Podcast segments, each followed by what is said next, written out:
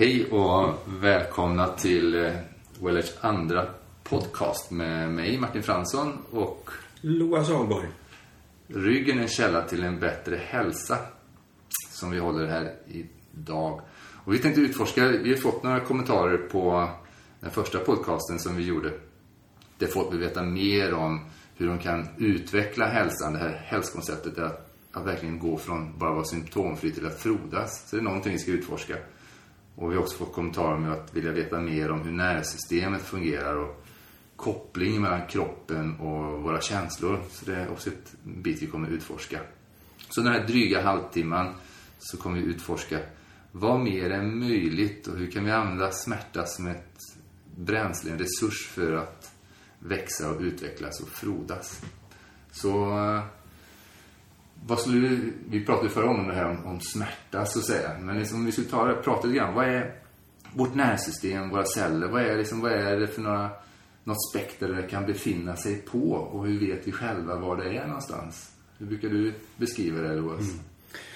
Ja, i, i grunden kan man väl säga att uh, våra celler, eller vi som organism egentligen, har ju förmåga att röra sig i ett stort spektra. Allt från smärta till, till högsta liksom, upplevelse av glädje och, uh, uh, och så vidare.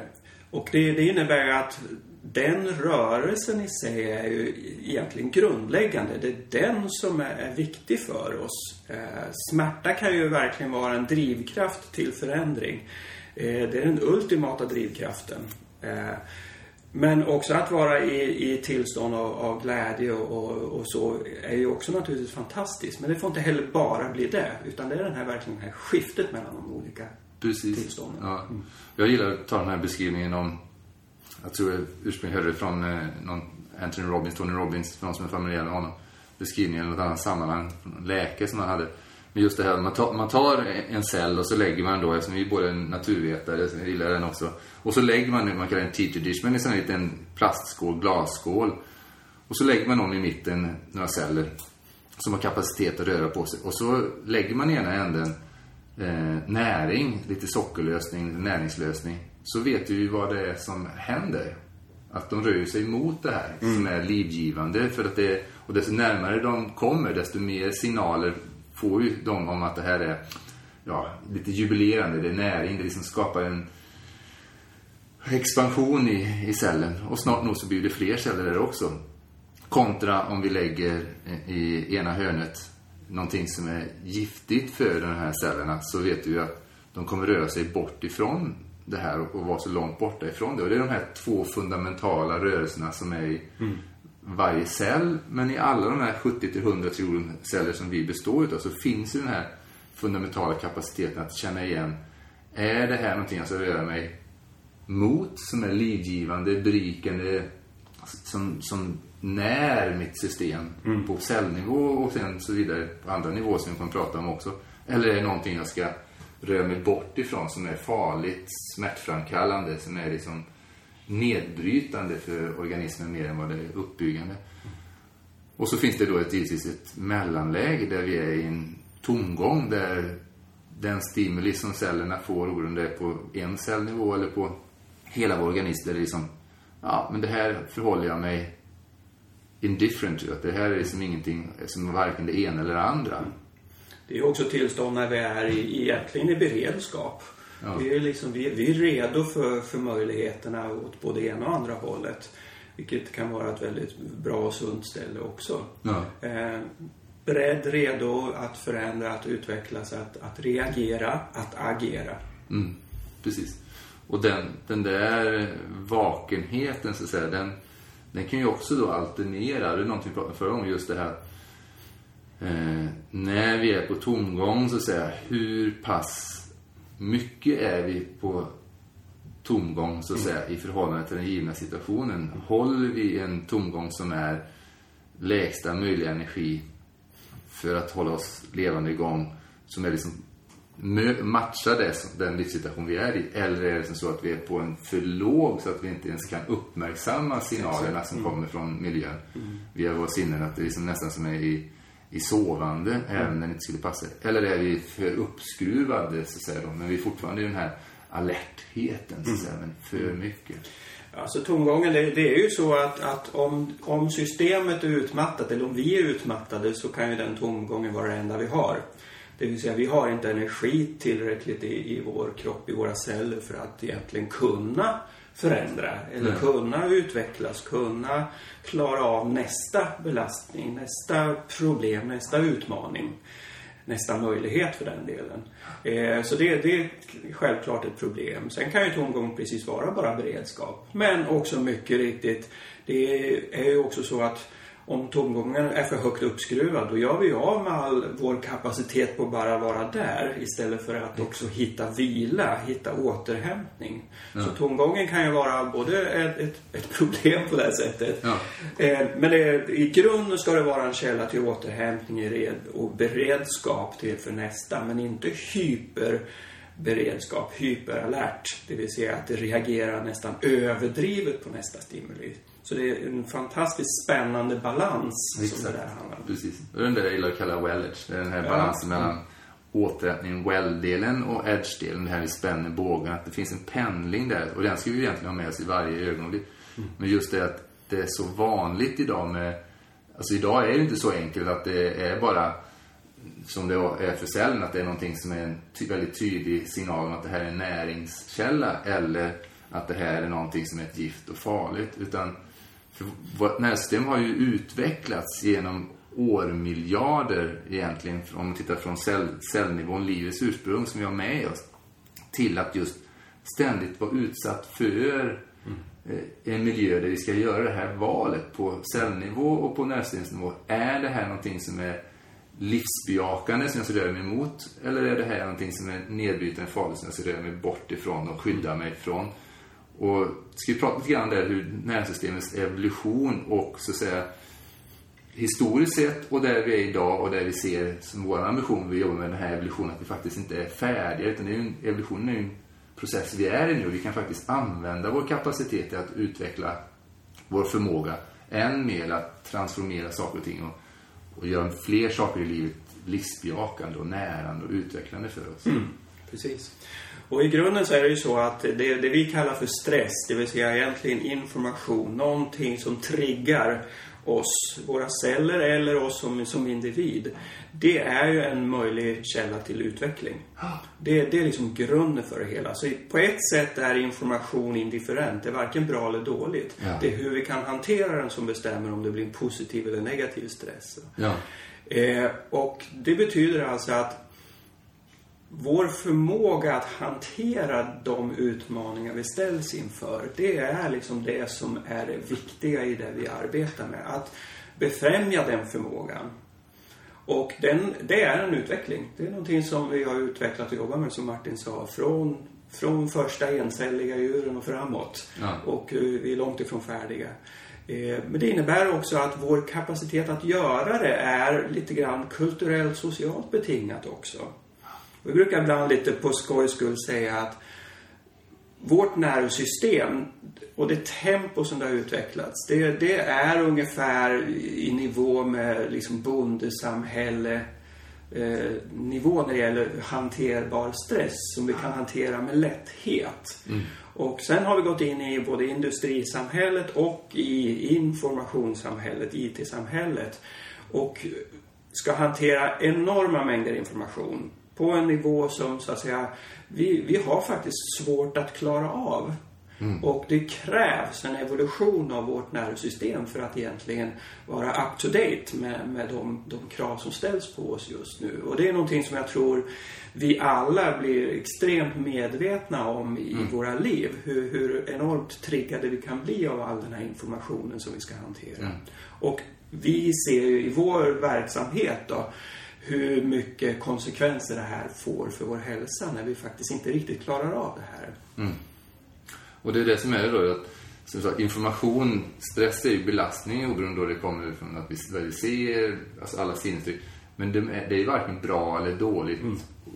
ont eller gott eller det är vad vi gör med det och det är just den här utmärkande egenskapen hos livet, evolution, det här att kapaciteten att transformera, att faktiskt ta någonting som kanske ursprungligen var potentiellt någonting som var farligt och sen så har vi lyckats göra det till en näringskälla eller vi elden var farligt, det eldade upp oss och vi dog. Och, men sen har vi lyckats ta och göra det här till någonting som vi använder. Och det är det som är ett utmärkning för livet och den inbyggda intelligensen. Vi kallar det innate intelligence i det här.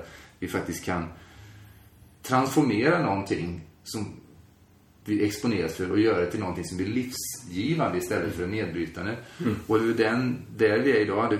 Det, är Martin Ingvar som skrivit den här boken eh, Den översvämmade hjärnan. Det här att idag, det är ju andra som drar den här metaforen att idag så utsätts vi från morgon till kväll för mer information och val som behöver göras hur vi ska förhålla den här informationen än vad bara några generationer bak man gjorde kanske under en hel livstid. Mm. Med antalet människor vi ser, ansikten, röster som vi hör bara. Mm. Om man bor i en storstad. Med bondesarna, då, det var inte så många hundratals människor man såg under sin livstid. Och vi kanske bara för att vi åker från jobbet eh, hem eller till jobbet när du väl lyssnar på det här. Så har du sett fler människor som är helt obekanta, nya ansikten som du ska förhålla till. Är det här en människa jag kan lita på? Till den här min flock verkligen? Är det... Så det är så många val som vårt nervsystem på en väldigt djup biologisk nivå står inför. Och frågan är då hur vi kan uppgradera det. Vad är så att säga eh, kärnan i att vi faktiskt kan göra det här att det inte blir en nedbrytande stress utan det faktiskt blir någonting vi kan mm. frodas utav. Och en av de viktigaste ingredienserna när vi tittar på när vi, när vi arbetar med människor är ju att när vi först ser våra klienter så är de oftast i tillstånd av försvar. Mm. Eh, alla de här försvarssystemen är ganska triggade. Ja. Och vi har ett antal effektiva sådana som vi har utvecklat under år miljoners lopp egentligen. Eh, och det är någonting som också med tydlighet avspeglas i kroppen. Så vi kan läsa av i mångt och mycket vad, vad människor är i för tillstånd i, mm. i vår kropp, i vår hållning och, och liksom i spänningar och så vidare. Vi pratar ofta om spänningsmönster. Vilket egentligen är tillstånd vi är i avspeglat i kroppen. Eh, det första vi måste egentligen uppnå är ju att hjälpa de här människorna till avslappning, till trygghet. Eh, för att utan det så gör vi ju val utifrån fara i alla lägen. Det är när vi kan ta, göra val utifrån avslappning och trygghet som vi kan gå vidare till det Martin pratade om, eh, transformering. När vi kan ta det här hotet och snarare se det som en möjlighet. Och sen så sublimera den, göra den till vår egen och göra det till ett nytt redskap. Någonting som vi inte hade förut. En ny högre funktion, en ny förmåga. Och det, det är liksom det som i grunden driver evolutionen vidare. Exakt. Försvaret att fly eller närma sig det götta så att säga. Det är bra för stunden men det ger inte evolution i sig. Det är när vi kan dra slutsatser och göra det annorlunda nästa gång. Att vi inte ens behöver utsätta oss för faran på samma sätt. Det är då det börjar hända grejer. Precis. Och det är det här, kan vi prata om, att transformera och inkludera. Att vi mm. faktiskt inkluderar mer.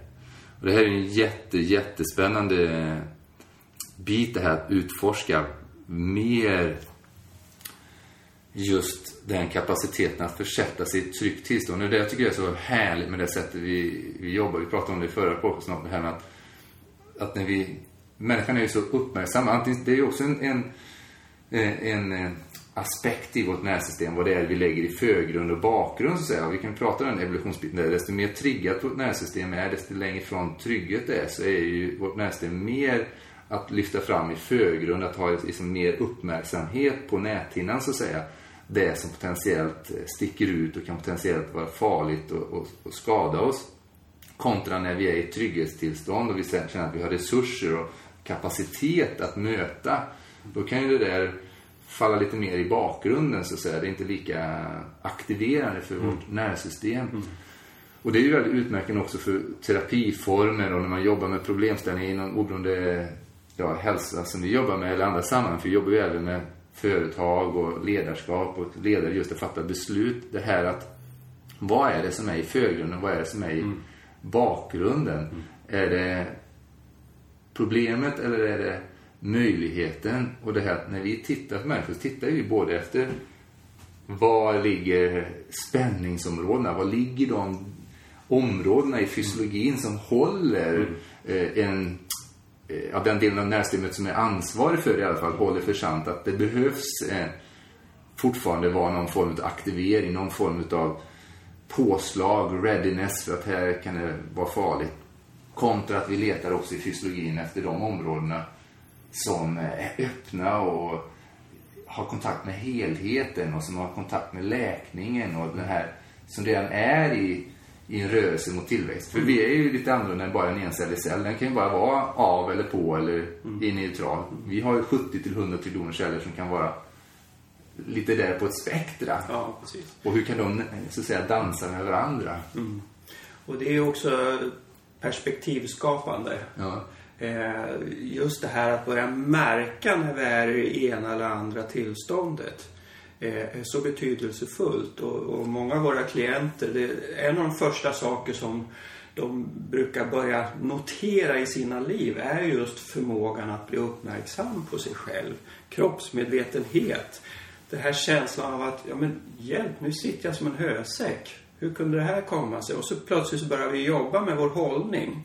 Eh, och sådana enkla saker är så grundläggande och det är också någonting att verkligen fira varje gång som, som det sker. Eh, det kanske verkar enkelt men det är så otroligt betydelsefullt som ett första steg. Därför att den strategin, att kunna vara uppmärksam på oss själva, den går igen i alla situationer sen. För, för vår kropp och med kroppen menar jag också det som vi kallar det emotionella. För känslor, det är också någonting vi faktiskt känner på cellnivå. Så det är en kroppsupplevelse.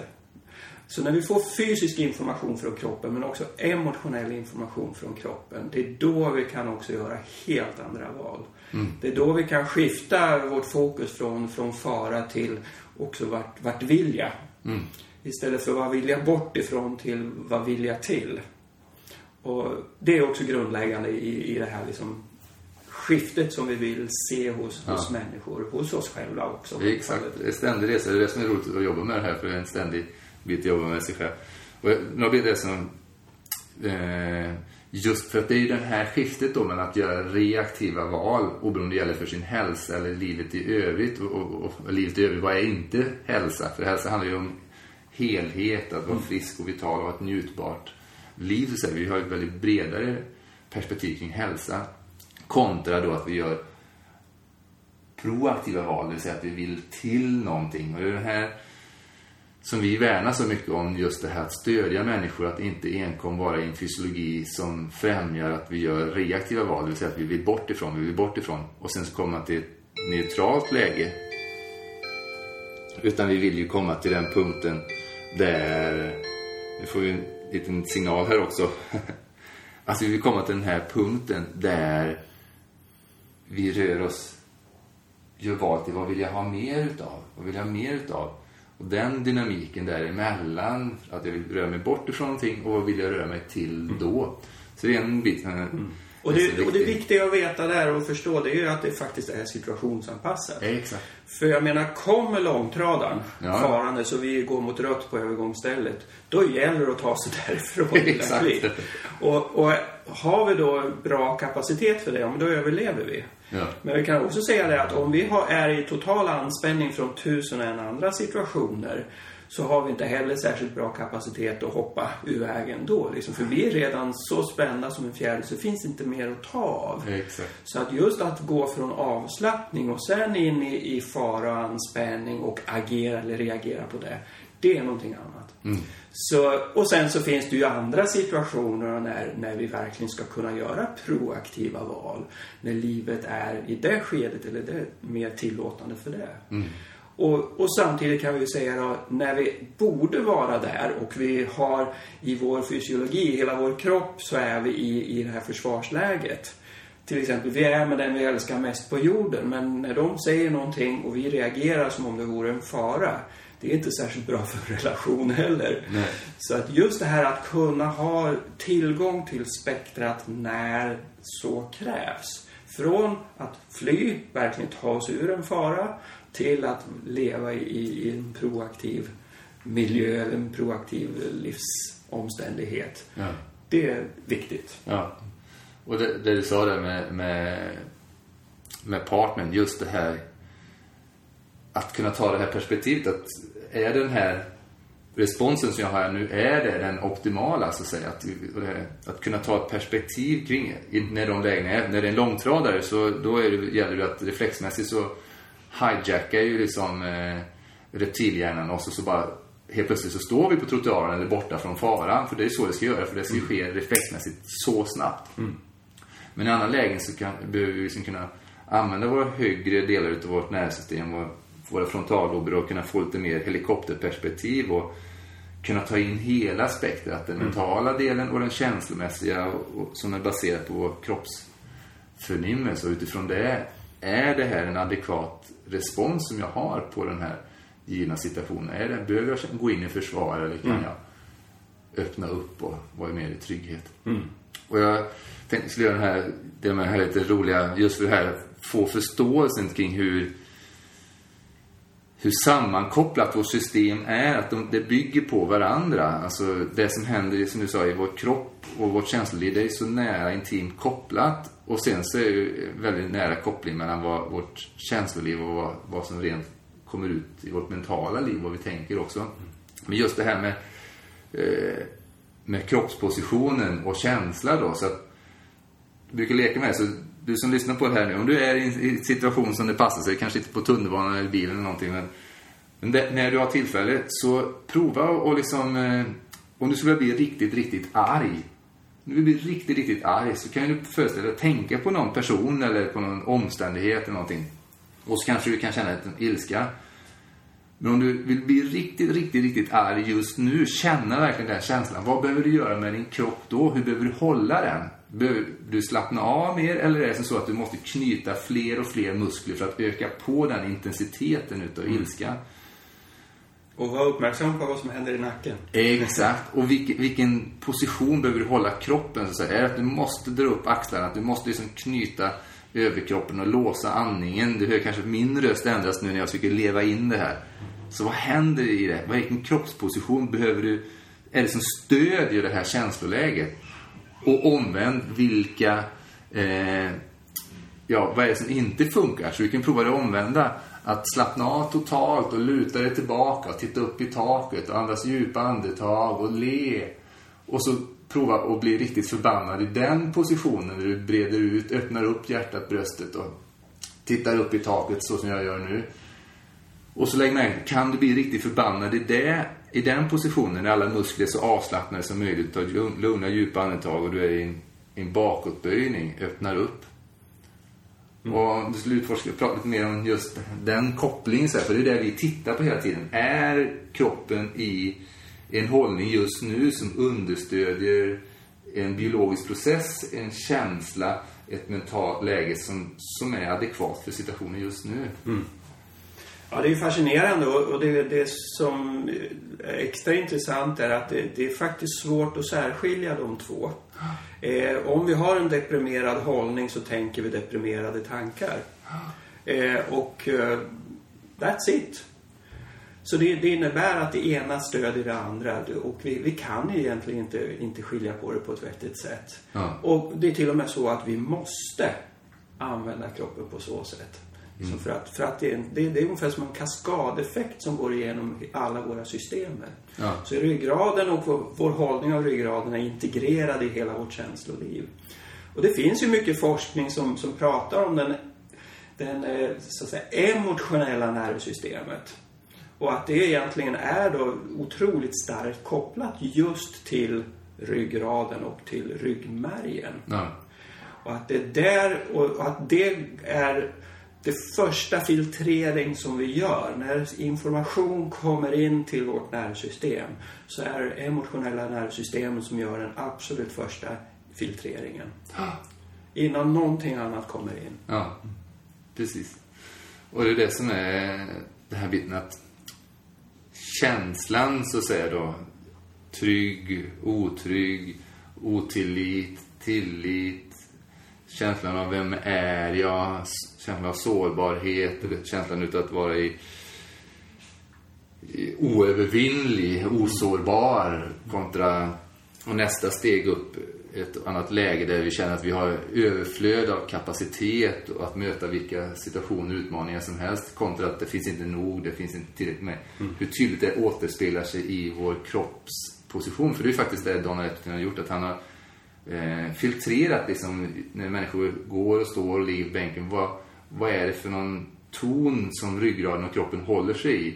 Och hur det gestaltar sig i vad vi kallar de fem faserna då. Men mm. liksom vilka mm. sinneslägen man är mer eller mindre i. Mm. Och det är ju egentligen väldigt enkelt. Det, det, är ett uttryck för hur insidan och utsidan reagerar på, på samma tillstånd så att säga. Ja. Om vi är i tillstånd av, av ilska eller vad heter depression så ser vi det eh, av ett avtryck av det i, i vår kropp, i vår hållning, i spänningar. Ja. Precis. Mm. Och just det här då att det handlar inte om att det här är bra eller dåligt, rätt eller fel. Det, det är någonting som man behöver utforska. Eh, och i viktigt sammanhang så kan ju det vara mer så att säga bra eller mer dåligt. Så här. Men det intressanta som vi tar att det är hur kan det här användas som en möjlighet nu? Om min fysiologi är fastlåst i en stressfysiologi som handlar om att den är liksom redo för en konflikt, otillit, så att min nacke framskjuten och axlarna är uppdragna. Så blir det en otrolig möjlighet för oss att jobba med det som blir gåvan. Mm. Att man faktiskt känner mer tillit och ökar sin förmåga att bara ha ännu mer tillit i olika sammanhang. Mm. Och kunna växla och tydligare veta när ska jag ha lite otillit här så att säga inför den här situationen eller personen. Och när jag kan liksom omfamna och vara mer till. Så att det blir som en, en, en ökad kapacitet att mm. använda den strängen på vår lyra så att säga då. Att, att leva i hela spektrat. Eh, från, från total trygghet till, till fara. Ja. Mm. Eh, så det, det, är extremt viktigt och, och spännande att, att se. Och just det här när vi kan skapa den här avslappningen, tryggheten. Det är också då vi kan gå från farupplevelsen till, till möjligheten i, det här. Och jag ser, eller vi ser ofta de här spänningarna. Det är lite grann som att det, det har ju kommit av ett gott skäl. Det har hänt någonting som vi har reagerat på. Och i den reaktionen så bygger vi också en anspänning i vår kropp. Det är ungefär som att vi spänner bågen. Vi är beredda att skjuta av pilen. Men någonting håller oss tillbaka. Ja. Så det är ungefär som att istället så för att agera, eller reagera eller agera direkt, så är det ungefär som att vi lägger det på vänt. Samtalet hänger där i luften ända tills det är dags. Mm. Och vårt jobb är att, att se till att det blir dags. Då finns all den här energin som är lagrad i den här pilbågen redo för att få den här pilen rätt in i, i bullseye, liksom till målet. Eh, och göra det jobb den ska. Ja. Så att det, kroppen är smartare än vad vi tror. Vi, vi kallar det spänningar och det lägger vi egentligen väldigt mycket negativitet i. Eh, men i ärlighetens namn så är det den, den absolut, det, det vi behöver för att kunna agera när stunden är inne. Yes.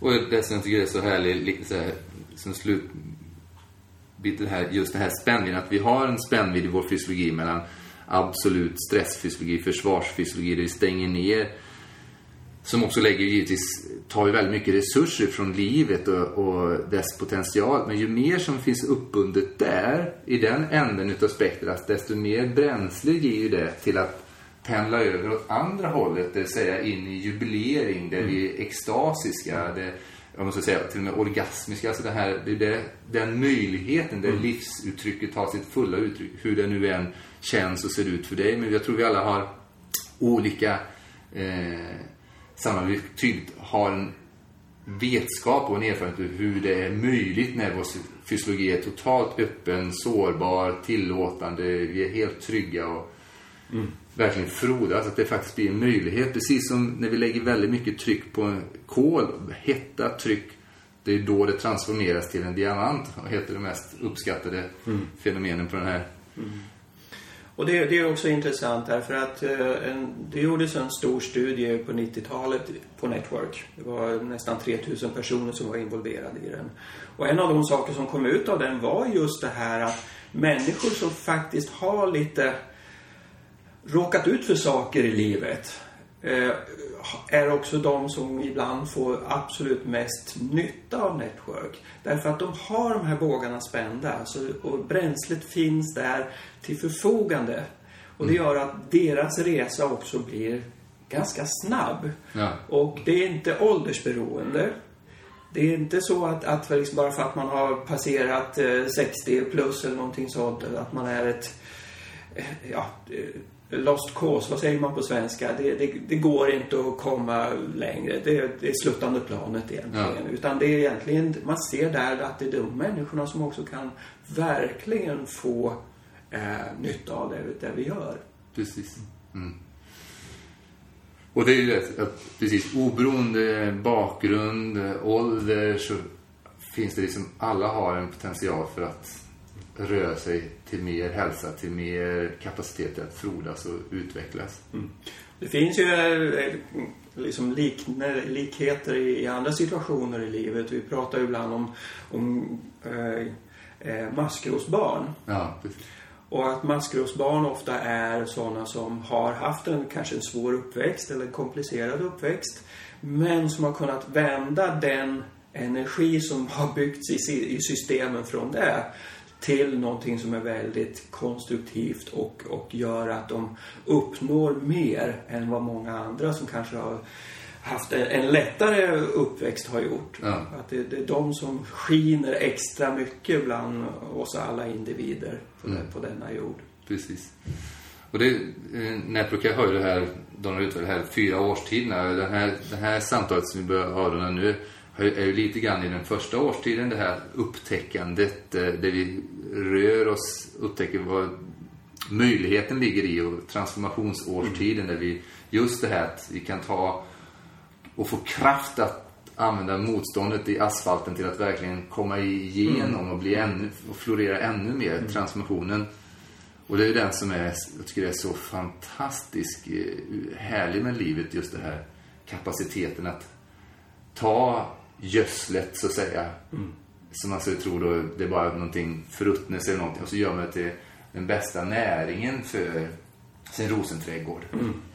Så det är i, i utforskandets årstid som vi egentligen upptäcker att vi har en pilbåge som är spänd. Ja, Och sen så är det i, i transformerings eller förändringens årstid som vi faktiskt är kapabla att få iväg den där pilen på riktigt och, och nå målet så att säga. Ja.